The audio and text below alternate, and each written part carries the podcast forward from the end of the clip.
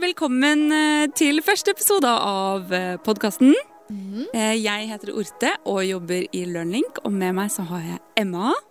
Ja, hei. Jeg heter Emma. Jobber også i Learnlink. Og studerer psykologi i tillegg til det. Kan snart kalle meg miljøterapeut. Ah, stas. Veldig stas. Og med oss så har vi medgrunnleggeren av Learnlink i dag, Tellef. Velkommen til deg. Takk skal du ha. Så gøy. Vi har jo veldig mange ganger eh, havnet på en diskusjon om frafall, så jeg vet at dette er noe du er opptatt av og brenner for å på en måte løse opp i. Så hvorfor det?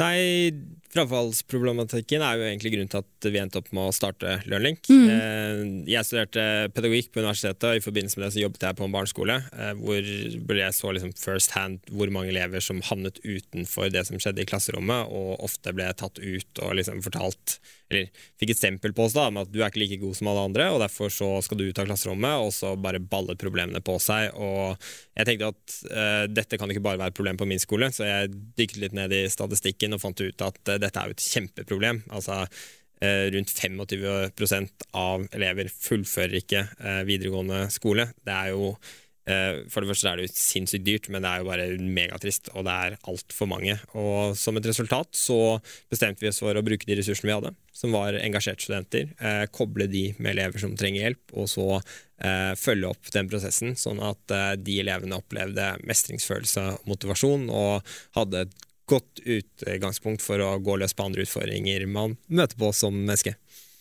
Men eh, kan ikke du fortelle litt om hvorfor eh, folk faller fra, da? Dette er jo noe dere har uh, snakket uh, litt med foreldre om. Eh, kanskje du kan fortelle litt om frafall? Altså Statistikken den burde vel egentlig være ganske syk? Det går jo heldigvis i riktig retning, ja. men det går jo ikke så fort. Eh, per dags dato så er det 22% som ikke fullfører videregående skole. For å sette det litt i perspektiv, så er det eh, like mange elever som faller fra videregående hvert år som det bor i Voss. eh, det er jo For det meste så er det jo det er, ja, du, du, blir litt overrasket når du tenker over det, men mm. det der er jo bare sinnssykt trist eh, for de elevene det gjelder. Eh, det å starte på videregående er på en måte en av de første testene du får i livet. Vi er alle sammen enige om at man eh, på en måte at det er lurt at alle fullfører eh, videregående, og det er en av de første testene vi gir folk, men så er det så mange, 22% av befolkningen, som ikke klarer den testen, og det skaper så mye problemer for oss. Eh, og det har man også anerkjent eh, i årets perspektivmelding fra eh, Finansdepartementet, hvor vi ser på liksom, de største utfordringene landet vårt står over så peker man på at dette med frafall er en av de største utfordringene vi har, og vi må løse det. Og spesielt med den situasjonen vi har vært i det siste året, der eh, skolehverdagen til mange elever har blitt veldig annerledes, og mange har mistet det tilbudet eh, som de vanligvis har eh, på skolen. Mm. Men Du sier at du har snakka med en del eh, familier, også spesielt det siste året. Mm. Hvordan har det vært å ikke være på skolen og ha en så kaotisk eh, skolehverdag? Jeg tror det har vært eh, turbulent. Det er i hvert fall de beskjedene vi har fått da, fra mm. de fleste. Det er jo mange foreldre som har blitt De har på en måte blitt ansatt som lærer for barna sine. Ja. Eh, og mange foreldre har jo da både måttet sjonglere det å ha sin egen jobb, det å ha barna der, og noen er jo også ute fysisk på jobb, og så sitter barna hjemme. Så det har vært vanskelig. Eh, og så har det jo også vært vanskelig for lærerne, som måtte eh, sette seg inn en ny læreplan med koding som pensum, mm. eh, som i tillegg da skulle hjelpe alle disse eh, elevene, eh, og som da også måtte lære seg å undervise de eh, på nett. Eh, og så var det jo heldigvis sånn at nedstengningene første gang den eh, varte jo varte en stund, men ikke så lenge. Men det har ikke betydd at problemet ga seg, fordi har du snufset i år, så kom du ikke på skolen. og Det betyr at halvparten av klasserommet har sittet hjemme, og halvparten har vært i klasserommet. Og lærer å sjonglere det, det har jo vært, det har vært en utfordring. Men vi ser jo heldigvis at det er noen gladmeldinger. Det er jo noen elever der ute som har fått ro til å sitte for seg selv og fordype seg i ting. Elever som kanskje vanligvis syns det er mye støy i klasserommet. Som har fått fred til å jobbe med sine ting og gjort det bedre. Og så er det veldig mange foreldre som også er i en situasjon hvor de eh, hvor de har brukt mer tid sammen med barna sine. Eh, oppdager problemer som de ikke var klar over. Når barna er på skolen, så er det ganske langt unna. Så kommer du på en foreldresamtale og så får du beskjed om at eh, det går egentlig ganske bra fordi det går veldig bra i forhold til resten av klassen. Men det betyr ikke at alt er i orden. Eh, og det gjør at mange har kontaktet oss med problemstillinger som de nå enda blir litt klar over, da, og gjort at vi kan ta tak i det. Eh, før det liksom blir for alvorlig. Mm. Uh, man tenker jo på frafall. Uh, jeg vet at mange foreldre tenker på frafall. Det kommer liksom på videregående. Uh, det er da man må sørge for at barna dine følger med osv. Men når starter det egentlig frafall?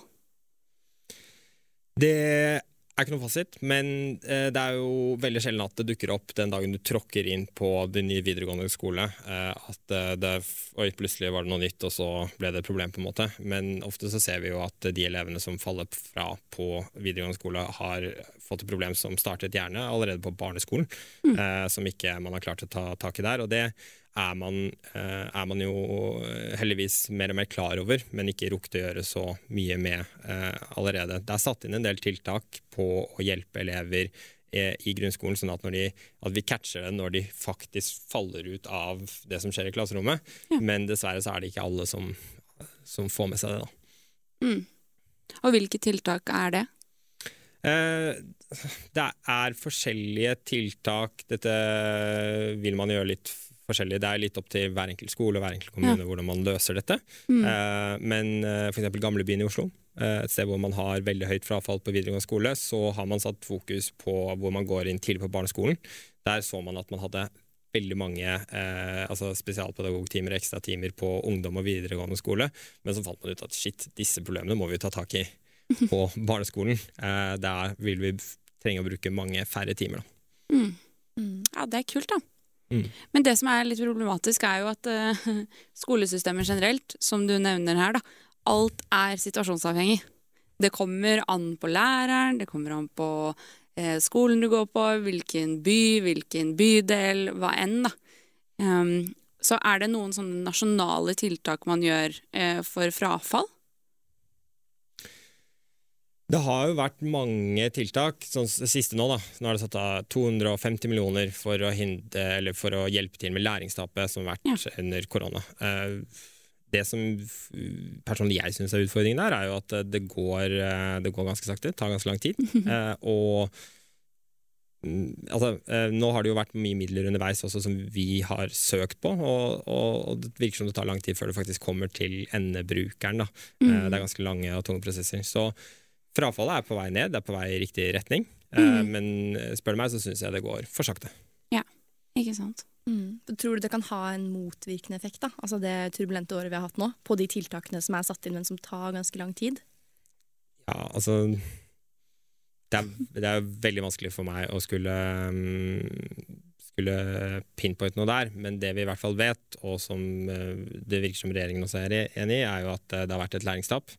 Eh, vi vet fra de foreldrene som har kontaktet oss, at det er mange eh, barn som har havnet i en spesiell situasjon. De har jo da eh, både sittet hjemme og prøvd å motivere seg selv til å drive med lekser, og så i tillegg har de mistet den oppfølging som de vanligvis får på skolen.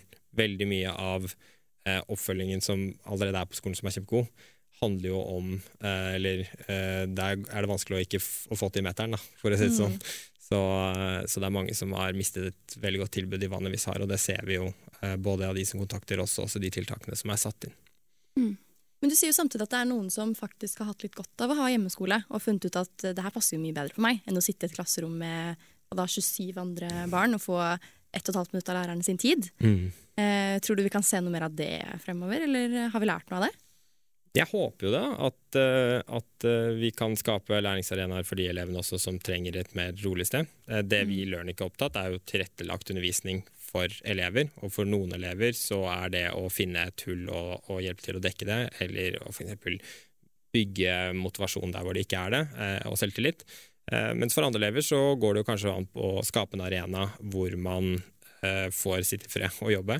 Klasserommet er veldig økonomisk, eh, men det gjør jo at det f.eks. kan være mye bråk der.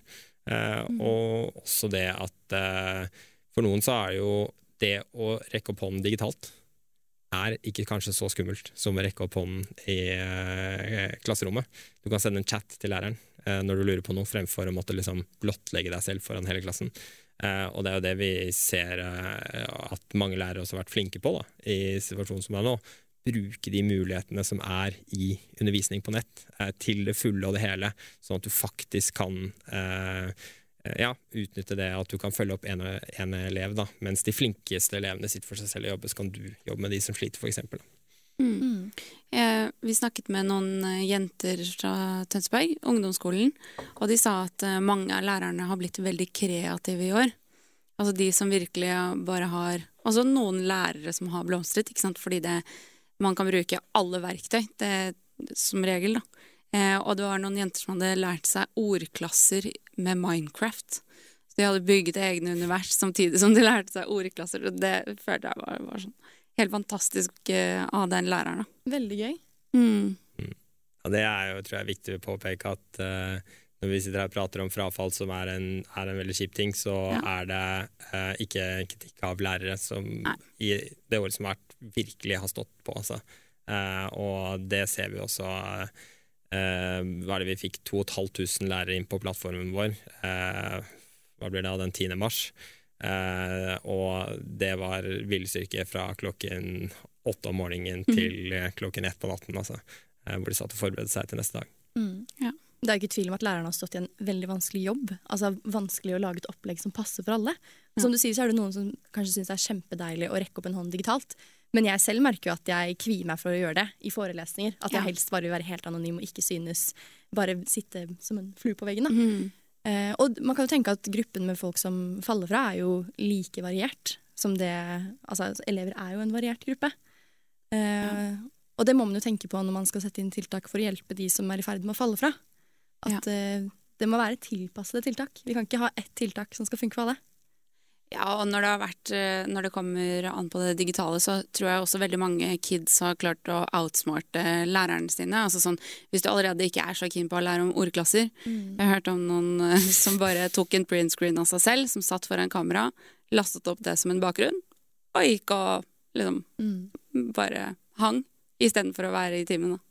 Teiptrikset på norskeksamen, der du teiper over kameraet ditt eh, sånn at det, alt blir blurry Uh, og så sier du til læreren at det er noe galt med kameraet, men alt annet funker, lyden er der, og de ser jo at det er en silhuett der. Og så kan du være så mange du bare vil på norsk muntlig eksamen. Ikke sant. Altså, det er jo lurt, men det er jo dumt i lengden, da, for det går jo utover læringen. Det går utover læringen, og eh, det er jo selvfølgelig ikke det man ønsker. At, uh, men jeg tror altså, barn er kreative. Det vil alltid være situasjoner. Men uh, vi får jo bare være gode på å støtte under de gode avgjørelsene som mange barn også har tatt da, i den perioden som har vært. Og um, hvor flinke de har vært til å møte opp på, på den undervisningen. Da, selv om du altså, Det er jo ikke så Hvis du bor i et hjem da, med ganske mange andre som sitter på hjemmekontor, og du skal liksom reise deg opp fra sengen og inn eh, i, eh, foran eh, stuebordet hvor det sitter en annen som også har undervisning, og en far som har eh, Skype-call, liksom. Det, det, har jo vært krevende. Ja, ja, absolutt. Men når det kommer til dette med, med frafall, Hvorfor eh, tror du at så mange faller fra? Eller så mange, som du sier det er på vei ned, men hvorfor faller folk fra? Som vi har pratet om, så tror jeg det er, eh, det er veldig individuelt, og det, det, er, det er et veldig komplekst problem. Eh, mm. De elevene som gjerne kommer til oss, er jo gjerne elever som har opplevd at de ikke mestrer i, i klasserommet, og så mm. ender de opp med å bygge opp en tro om at de aldri kommer til å mestre. Eh, og, det kan jo, altså, og den første liksom, steget hvor det går galt, det kan jo være alt mulig. Det kan være at du har vært syk, var ikke på skolen, skadet deg, var ikke på skolen, du forelsket deg og satt og så ut av vinduet og tenkte på noe helt annet i en måned. Og så, når du kom tilbake, så var plutselig det som skjedde i klasserommet, det, det var helt gresk for deg. ikke sant? Lærerne har gått videre, de snakker om et tema du ikke skjønner, så bestemmer du da for at å, dette er et tema som jeg egentlig ikke kan, og dette er et fag jeg ikke kan, og så etablerer det seg en sånn tankesett da, eh, som er veldig, eh, veldig destruktivt. Eh, og heldigvis da, så er jo ikke det noe som er vanskelig å gjøre noe med. Det er jo, Du kan ha feilet så utrolig mange ganger, men så mestrer du én gang, og så er den selvtilliten tilbake. Eh, og det er det vi jobber med når elever kommer til oss som typ har mistet motivasjonen eh, for å jobbe med skolefag, er at de skal oppleve at de mestrer, de skal bygge en selvtillit, sånn at neste gang de faktisk eh, har et problem på skolen, da, så har de en selvtillit inni seg som gjør at de kommer over det problemet og vet at de, de er gode, og de klarer faktisk å mestre, sånn at uh, det her kommer til å løse seg uh, ved å f.eks. trekke på det miljøet man har, eller ha en personlig lærer som er støttespiller uh, hos oss. da. Mm. Mestring er jo en superviktig ressurs i livet, og spesielt i barndom og, og ungdomstiden. Mm. For å vite at du kan mestre stressende situasjoner, og du kan klare ting du ikke kunne i det hele tatt i utgangspunktet. Eh, så det å gå miste om sånne mestringssituasjoner kan jo ikke være bra. Nei, jeg tror Men det er, altså, det er noe som vil skje med alle. Mm. Eh, og, og, da er det bare viktig at vi står klar til å bidra, sånn at eh, vi får eh, satt folk tilbake. Eh, og ja, litt som vi, vi pratet om uh, tidligere, så er det jo uh, Det er jo sånn at uh, det å starte på videregående det er en test som nesten alle blir utsatt for. Og hvis du ikke mestrer den testen, da, så er det så vanskelig å gå videre på neste ting. Og det ser vi jo på statistikken nå. Da havner du fort inn i Nav-systemet eller inn i andre systemer som vi ikke ønsker at man skal havne opp i. Da. Så det er så viktig å, å oppleve den mestringen. Mm. og et forslag som har kommet der som er ganske kult, er jo kunnskapsministeren, som nå har jobbet med dette eh, en god stund. Hun har lagt fram et forslag nå om at man skal ha en fullføringsrett på videregående skole. Ja. Fordi eh, nå så har man ikke en fullføringsrett. Eh, altså Du har bare rett på å gå der i fem år, eh, men du har ikke noe rett på å fullføre. Eh, og jeg mener at hvis du skal gi barn og unge en test på måte som videregående kan være, så må vi sørge for at de står den testen, og at de får den selvtilliten, og at de tar den med seg ut i samfunnet vårt. og både for deres egen del, men også for vår alle del, da, at de er med mm. og bidrar. Mm. Ja, for Hva er konsekvensene hvis man, hvis man dropper ut, da? Hvis man ikke fullfører? Um, det er er jo heldigvis mange det går bra med. Det er jo ikke sånn at uh, man, må, uh, man må, uh, må, fullføre en videregående utdannelse, men det er jo veldig mye viktig kunnskap der som man kan bygge på og ta studier på og sånn. Også, men så er det dessverre sånn at det er veldig mange som havner inn i andre støttesystemer, som vi har mange av i Norge. Og kostnadene her er de er enorme. Det, er, eh, det, koster veldig mye mer eh, enn vi bruker i så å si alle, alle, alle, andre ledd. Så hvis vi hadde løst det her, så hadde vi jo både spart mye penger, men vi hadde også gjort livene til veldig mange nordmenn bedre. Mm. Um, og det tror jeg det er det viktigste. Mm. Mm. Ja, det har jo enorme kostnader på individnivå også. Og det å, som du sier, da, videregående kan være en stor test. Og det å føle at du feilet den testen, ja. det koster ganske mye. Mm. Eh, og da skal det ikke være sånn at systemet jobber imot. Sånn som det er nå, at hvis du har gått på videregående i fem år og ikke får det til, så var det ikke din mulighet, på en måte, da. Mm. Sånn kan det ikke være. Nei. Så er det jo det der å, og Det er jo så mange som feiler før det, og um, ofte så er det, jo, det er jo veldig få barn som det er noe problemer med. Det er jo vi rundt som ødelegger for dem, og det er jo det som er så trist når vi ser sånne caser som kommer til oss hvor Eh, en voksen har klart å si til en, eh, et barn på ungdomsskolen at du er ikke god nok eh, til å være med på nasjonale prøver for du vil dra ned snittet i klassen, Herregud. det er jo Det, det gjør jo ikke, gjør ikke den eleven noe bedre. og um, heldigvis, da, um, så går det an å rette opp i det. Men, men det er, eh, det er, på en måte vi som ødelegger, og da får vi heller være til stede og sørge for at det ikke skjer. Da. Eh, sånn at eh, de slipper å feile tidlig og kommer seg gjennom og sitter igjen med en selvtillit, som vi prata om i sted. Mm. Ja, hvordan har det gått med de som ikke fikk være med på nasjonale prøver? Eh, det gikk ikke så bra en stund. Eh, når eh, den eleven kom til oss, så var eleven plassert på spesialungdomsskole. Er, jeg tror det er ca. 10% av elevene fra den skolen som kommer seg til videregående skole. Og familien var jo veldig fortvilet fordi de opplevde at det hadde etablert seg en kultur om at Det var en elev som hadde utfordringer, men at det hadde etablert seg en kultur rundt eleven om at eleven ikke skulle gå på videregående skole. Mm. Men de visste jo at dette var en elev altså De kjente jo sitt barn, de visste at det var kompetanse der, og at det bare var nødvendig for eleven å bli sett. Eh, og det var det vi jobbet med. At eh, Bygge opp mestringsfølelsen, bygge opp motivasjonen. vise eleven at han hadde kapasitet, han hadde noe å gå på selv om han hadde andre utfordringer. Og det endte til slutt med at han kom seg inn på videregående skole og er nå på vei til å fullføre på sitt tredje år som eh, vi er veldig stolte av. Eh, og gleder oss til å se hvordan det går på muntlig eksamen, eh, som er liksom den neste store terskelen nå. Men med tanke på alle de utfordringene vi har løst underveis, da, så er jeg helt sikker på at det kommer til å gå kjempebra. Mm. Den eleven har jo en enorm verktøykasse. Det, det, vil jeg absolutt si. Og også det å da ha vært så langt nede og kunne komme seg opp til der nå, tror jeg gjør at han kan komme seg over enhver utfordring han måtte ha, ha resten av livet. Mm. Mm. Absolutt. Vi hører jo om flere elever som eh, opplever å bli tatt ut av klassen fordi de ikke er på eh, riktig nivå eller godt nok nivå. Eh, og jeg mener jo at det er å legge ansvaret over på eleven. At eh, du må bli god nok så du kan få være med de andre. Men det er jo helt klart ikke der ansvaret ligger. Vi må jo hjelpe barn med å skape mestringssituasjoner Mm. og møte dem på deres nivå. Eh, men det er, jeg kan jo forstå at det er utfordrende når man skal gjøre det for eh, 28 eller 30 stykker hver dag. Det som vi prata om i sted, det er jo så mange lærere som gjør en dritgod jobb. De strekker seg kjempelangt for elevene, men systemet vi har, det er som det er. Det er et klasserom der vi må undervise for et gjennomsnitt, og det å bli tatt ut av det er veldig stigmatiserende. Og Det er derfor vi ønsker at elever som kommer til oss, ikke blir tatt ut av klasserommet. De blir heller eh, fulgt opp etter skolen når de eh, har kommet seg hjem og er i trygge rammer. Så følger vi dem og sørger for at de kommer tilbake til klasserommet og er med og bidrar der, og ikke føler på den utenforskapen da, som kan oppstå.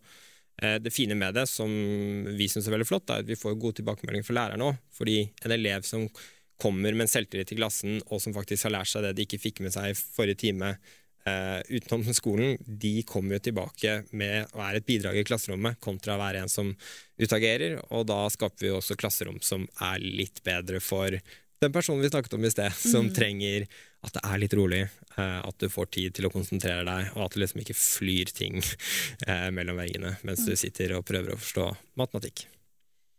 Mm. Vi var jo litt inne på det i stad, men, men eh, Vi snakket jo litt om konsekvenser, og så lurer jeg litt på hvordan vi kan løse det. Um, dette med frafall. Eh, Det store frafallsproblemet. ja.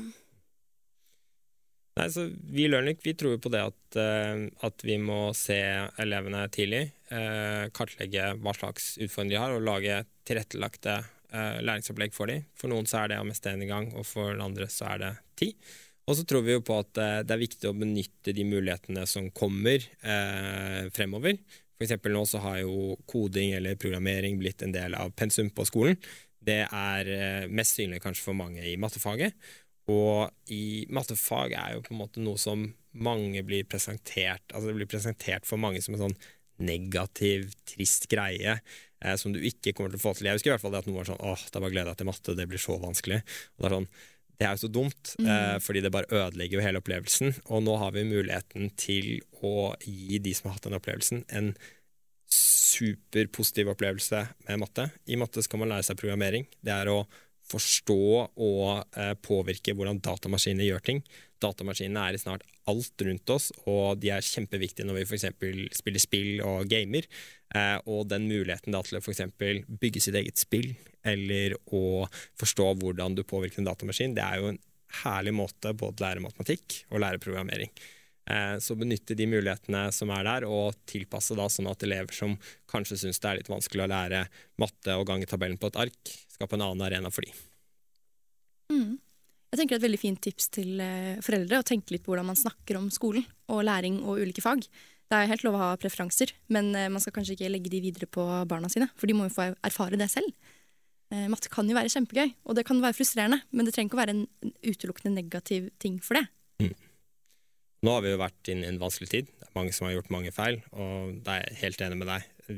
Vi må jo fremprate alt som barn er i nærheten som er en positiv ting. Og selv om det er utfordringer der, så skal jo vi voksne ta tak i det. Men for barnas del så må vi jo prate flott og heller dra fram alle de mulighetene som er på skolen. Som er eh, ja, ved å lære seg programmering eller andre ting. Mm.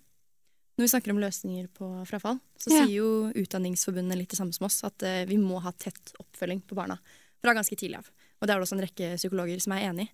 Eh, vi må ha tett oppfølging, vi må ha trygge rammer for læring.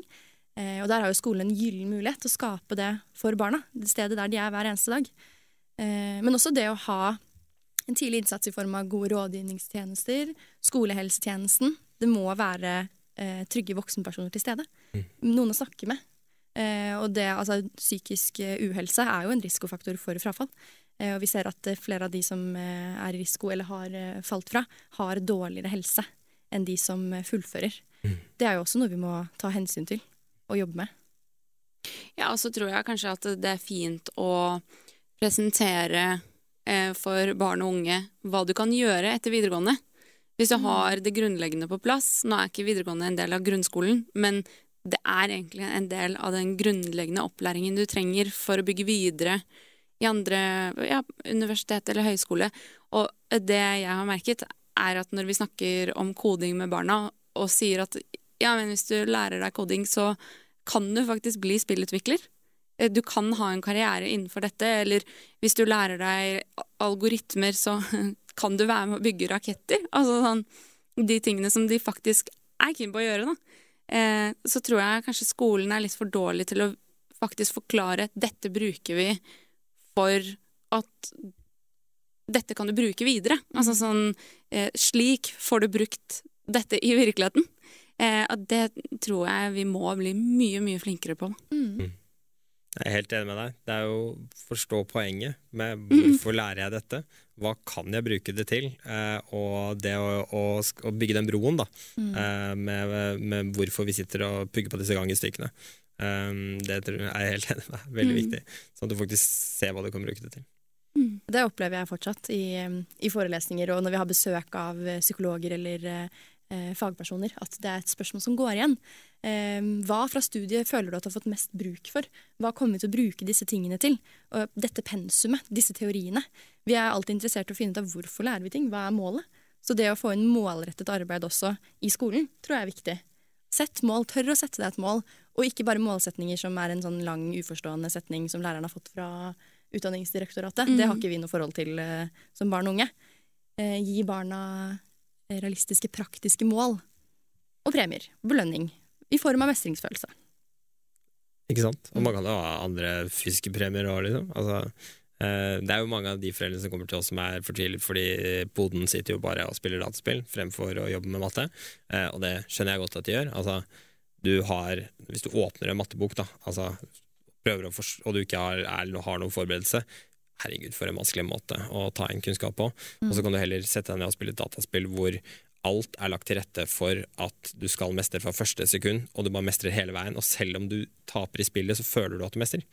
Uh, uh, da er det ikke rart at du velger dataspillet istedenfor. Eh, men eh, heldigvis for disse foreldrene så ser vi jo at ved at de da involverer seg mer i hva barna faktisk driver med, forstår hva som foregår i spillet og tar mer del i det, så kan man altså, så, så kan vi snu den trenden da, til at det ikke nødvendigvis bare er foreldre som sitter et sted med et problem, og barn som sitter et sted, men at man gjør noe sammen. Man kan kanskje da lære seg å kode sammen, fordi det er veldig få foreldre som også kan kode. Og så kan man lage premier, eh, enten i at man får premier i spillet. Eh, jeg tror nok det er mange foreldre som har eh, opplevd at det er barn som maser etter bankkort fordi de skal ha nye skins et eller annet sted. Og det er jo en perfekt premie for å ha lykkes eh, med f.eks. noe på skolen, eller ikke engang lykkes, bare stått på og gjort sitt beste. Mm. Ja, Nå er vi litt inne på det med altså, foreldre og barn-kontakten der. Hvordan tenker du at foreldre burde forholde seg til frafall? Si det er barn som går på barneskolen eller ungdomsskolen. Hvilken innstilling burde de ha til frafall allerede nå? Jeg tenker at det viktigste er jo at uh, foreldre fortsetter med det vi ser at veldig mange gode på, da. Er til stede uh, for barna sine, ser dem uh, og lytter til dem når de prater om, om utfordringene sine. Eh, hvis du har havnet i en situasjon da, hvor du har fått bedre innsikt i hvordan det faktisk går med eh, barna dine, så kapitaliser på det. Eh, og så, hvis du oppdager at det er et problem, så prøv å skape dialog rundt det, og sørg for at eh, kanskje du får brutt opp problemet litt mindre biter, som at man kan få litt mestringsfølelse her og der, eh, og komme seg over det. Eller snakk med eh, noen andre foreldre, da, eller sånn som oss som er i mellomsjiktet. Vi er jo da unge engasjerte studenter som på en måte ikke har eh, barn ennå, men som det er ikke så lenge siden vi var barn selv. Eh, og prate eh, prat med oss på de utfordringene som oppstår, og så kommer vi gjerne med noen tips eller innspill på hvordan man kan gå fra. Siste tanker rundt, rundt dette med frafall. Vi snakket jo innledningsvis om noen eksempler. Til oss i Learning så kommer det jo foreldre med barn i alle aldre eh, og i alle situasjoner. Vi har eh, innvandrere som flytter hit som eh, ikke kan språket, som ønsker hjelp med å faktisk forstå hva barna lærer på skolen, fordi de veldig gjerne vil være engasjert, men det er vanskelig for dem. Og så har vi eh, kategorien vi har valgt å kalle Gunnar Gamer, som er gutter, eh, som jeg kjenner meg veldig igjen i, som velger dataspill framfor matte, fordi det er eh, et sted å flykte eh, når realfag blir vanskelig. Eh, og så har vi mange som kommer til oss med elever som jobber, altså de jobber så hardt, men de får det ikke til. Da. Og noe så frustrerende eh, å sitte og se på eh, et barn som virkelig gjerne og ikke mestrer. Eh, og da er det jo ofte bare det at man har tatt noen omveier som vi fort kan eh, lage til snarveier istedenfor. Eh, og få på plass mestringen, og, men også få de til å se det at de er jo allerede dritgode. eh, eh, på det de gjør, og de burde være fornøyd med det nivået de leverer på. Om det er gjort til de elevene som er hos dere. Ja, de elevene som er hos oss, altså når jeg sier hos oss, eh, vi er jo Jeg jobber i en avdeling som heter Code Go i Learnlink, som lærer barn koding. Så det brenner jeg veldig for, da, prøve å tenne denne gnisten. Og det er en blandet gruppe av de som ikke har noe sted å høre til. Altså de som har interesser vil lage spill eh, med koding, eh, og bruker blant annet eh, Scratch og Roblox. Eh, og det er da de som kanskje ikke passer inn på fotballskole eller dansing eller ja, pianotimer, på en måte. De har en stor interesse for gaming, og det å tilrettelegge for de å lage en arena der de virkelig kan blomstre og samtidig lære masse matte, eh, som en del av en kamuflert læring. Det er jo gull, og vi ser at eh, vi har disse ukeskursene i løpet av sommerferiene. Vi ser at de barna bare blomstrer, og plutselig så kan de Altså, de har eh, matte på åttendeklassenivå, og så er de ti år gamle. det er ganske imponerende. imponerende, ja, fordi vi har laget dette innholdet, og så har vi sett at eh, når man lager fagfornyelsen, for eksempel, da. Jeg har veldig mange tanker rundt dette her, så det kan godt hende at det må bli en egen podkastepisode. Men man har laget en fagfornyelse eh, der koding skal inn i mattefaget. Allerede der så er det litt sånn OK, greit. Lykke til. Eh, men de matteoppgavene som er der som en del av den algoritmiske tenkingen, de undervurderer barna helt ekstremt. Så det vi lærer kids i dag, er det pensumet de skal få på skolen i syvende klasse, Mm. mens de går i andre, tredje, fjerde klasse. Eh, og de, de får det jo til. Det er bare at de voksne tenker hm, nei, ja, vet ikke helt. Men barn er jo Det er svamper. De trekker bare til seg masse, masse kunnskap. Så det eh, Man blir jo litt frustrert når man ser at de fortsatt drar i disse blokkene og går i syvende klasse og tenker å, fy faen, koding Beklager. Koding er dritkjedelig. Og det er bare fordi det ikke er tilpasset deres nivå. Mm. Eh, Så det ser vi veldig, veldig mye av. Og så ser vi også de som Jeg har for eksempel eh, en gruppe med tre gutter som startet i Code Go for to år siden, kanskje. Ja, det har jo skjedd veldig mye med de på disse to årene, men da var de De var ti år, år gamle, tre stykker, og kom inn og sa vi skal bli spillutviklere. Om fem år så skal vi ha en bedrift. De hadde allerede liksom fordelt seg imellom disse rollene. Det var én designer, én som var sånn kreativ, fri sjel som skulle liksom være deres leder. Og så var det en som var helt into den kodebiten. da. Og de hadde liksom allerede tenkt hvilke spill de skulle lage. Det var bare sånn Gi meg den kunnskapen, så jeg bare kan Vi skal bare gjøre det. Du må bare fortelle meg hvordan. Og det er også veldig gøy, selvfølgelig. Og de er med på kurs ja, hver gang vi har kurs, da. Og skal sikkert bli spillutviklere. Det tviler jeg ikke på. Men veldig morsom form for læring. Engasjerende og praktisk. Det er jo noe annet enn man kanskje møter på skolen. Uh, Men igjen, ikke noe som passer for alle. Mm. Det er vel litt der utfordringen ligger. At så vanskelig å lage et opplegg som skal passe for alle. og som alle skal føle mestring fra og ha det gøy med. Det går vel nesten ikke? Nei, det er jo, det er jo en utfordring. Ja. Eh, og sånn sett så er vi bortskjemte, for vi får jo ofte lov til å, eh, å på en måte Vi ser jo, setter oss ned med hver enkelt elev og kartlegger hva som egentlig er utfordringen, og skreddersydde opplegget, enten om det er kontinuerlig oppføring fra oss, eller om det er bare et spennende program i eh, koding, der hvor man lærer seg både matte og koding eh, samtidig. Eh, men jeg mener jo at barn fortjener det. Eh, at de fortjener at hver enkelt blir sett. eh, at de blir sett på hva de er gode på, eh, hvilke evner de burde bygge videre på, og at de også lærer seg teknikker på hvordan de skal klare det de ikke er så gode på. Eh, For det er jo sånn vi er. Vi er forskjellige, og vi har forskjellige, mm, forskjellige kunnskaper, men vi fortjener alle sammen å føle på den mestringsfølelsen, da, den tryggheten, eh, sånn at vi tar det med oss videre. Eh, Personlig så har jeg jo også følt på å ikke mestre. Jeg, eh, jeg husker jeg hadde to i standpunkt og seks på eksamen. Det er en ganske sånn bratt eh, kurve å gå inn i. Og eh, vitnemålet mitt var jo jojo da på hva jeg eh, hva, i fag jeg klarte å vise at uh, hva kompetansen min var, og at jeg hadde kapasitet. da. Uh, men de individene som klarte å dra den, uh, eller vise min kapasitet, det var jo det som gjorde at jeg klarte å bygge videre på det. da. Eh, Men jeg tror også det var viktig for meg i det arbeidet jeg gjør nå, å faktisk vite hvordan det er å ikke mist, eh, mestre i det hele tatt, og sitte der og tenke at vet du, dette her dette løser jeg ikke på et eller annet vis. Og så var det jo den deilige følelsen av å skjønne vet du hva, jeg har kapasitet, jeg har evne. Um, og det er mulig for meg også å få til de tingene jeg vil, men det kan hende at jeg noen steder må jobbe litt hardere enn andre. Vi snakker jo en del om å, å lære på sin måte. At det er tusen måter å lære noe på, og læringsmetoder og veier til rom. Eh, og det gjelder kanskje for denne gruppen med de som faller fra også, at det handler litt om å finne sin måte å, å lære på. Finne hva man blir engasjert av, og hva som får deg i gang. Eh, og litt med tanke på Det har vært litt snakk om skolevegring også, som er litt for de yngre. Før man snakker om frafall, så kan man snakke om skoleve skolevegring, at det er vanskelig å komme seg på skolen, og ja, at man har eh, vanskelige følelser i forbindelse med skolen.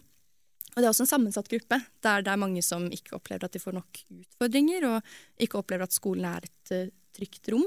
Mm. Eh, og hvor viktig det er å få inn tilrettelegging for den gruppen òg, da. Ja, absolutt. Det er jo et tydelig bilde av hvor eh, tidlig disse problemene starter, og hvilke konsekvenser de får.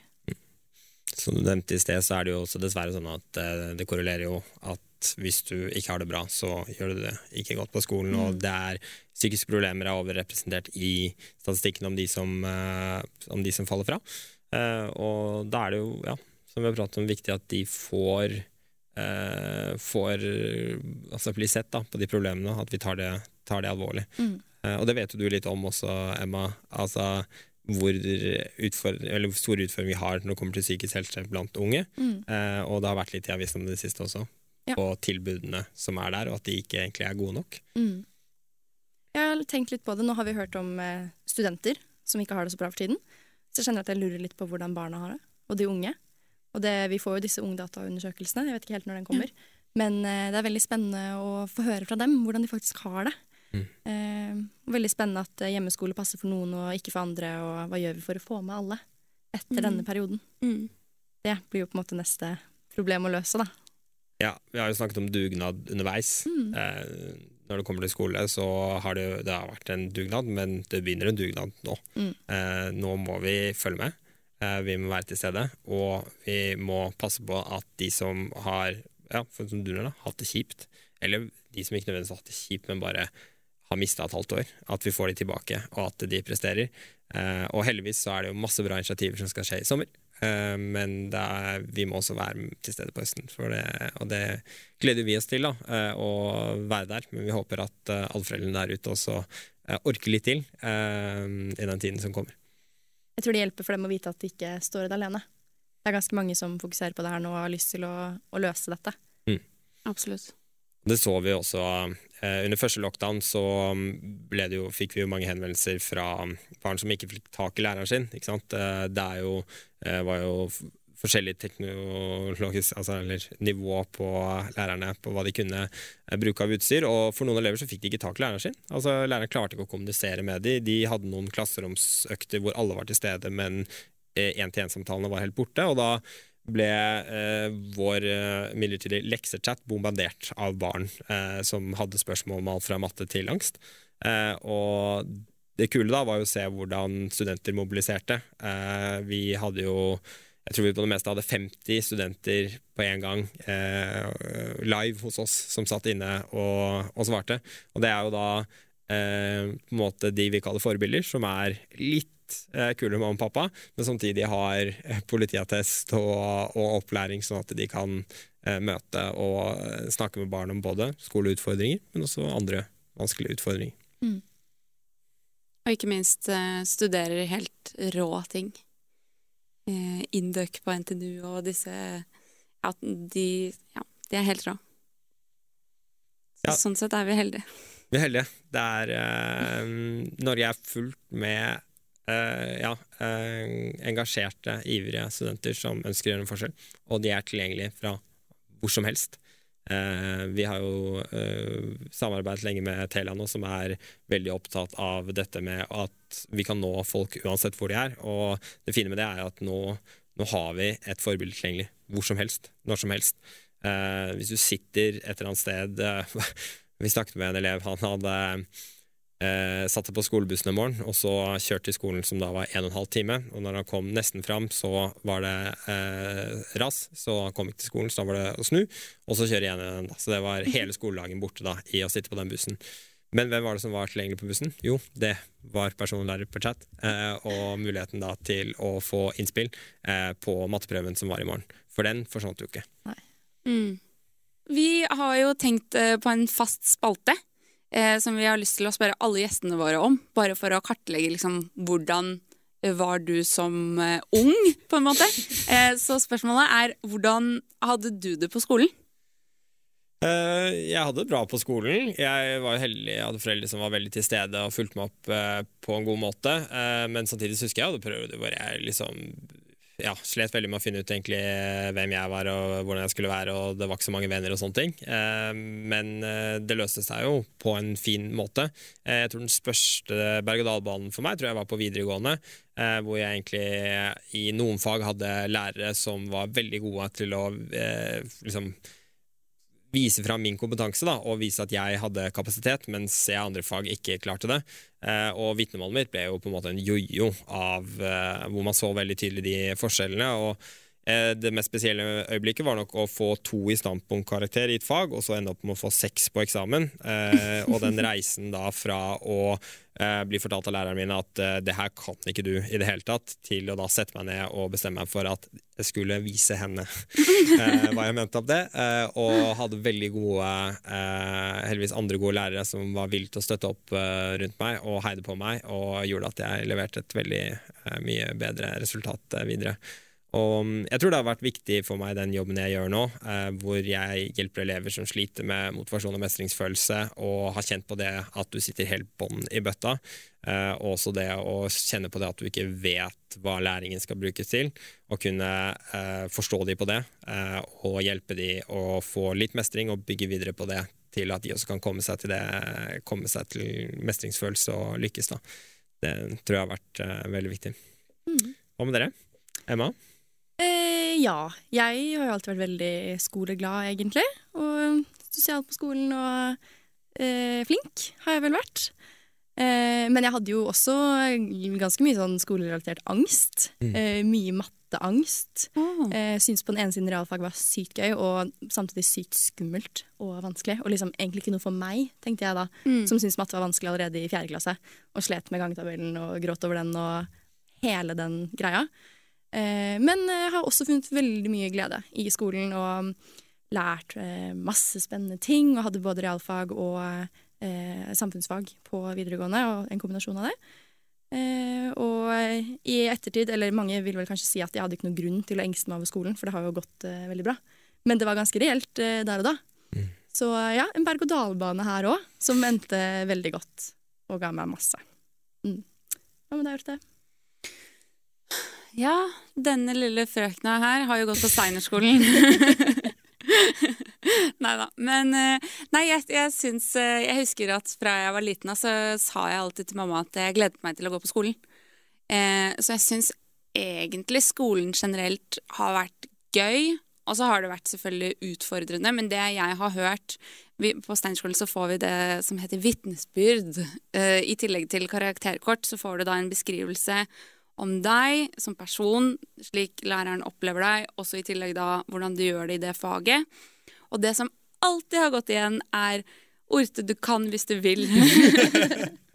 Men jeg var liksom så opptatt av alt mulig annet enn skolen.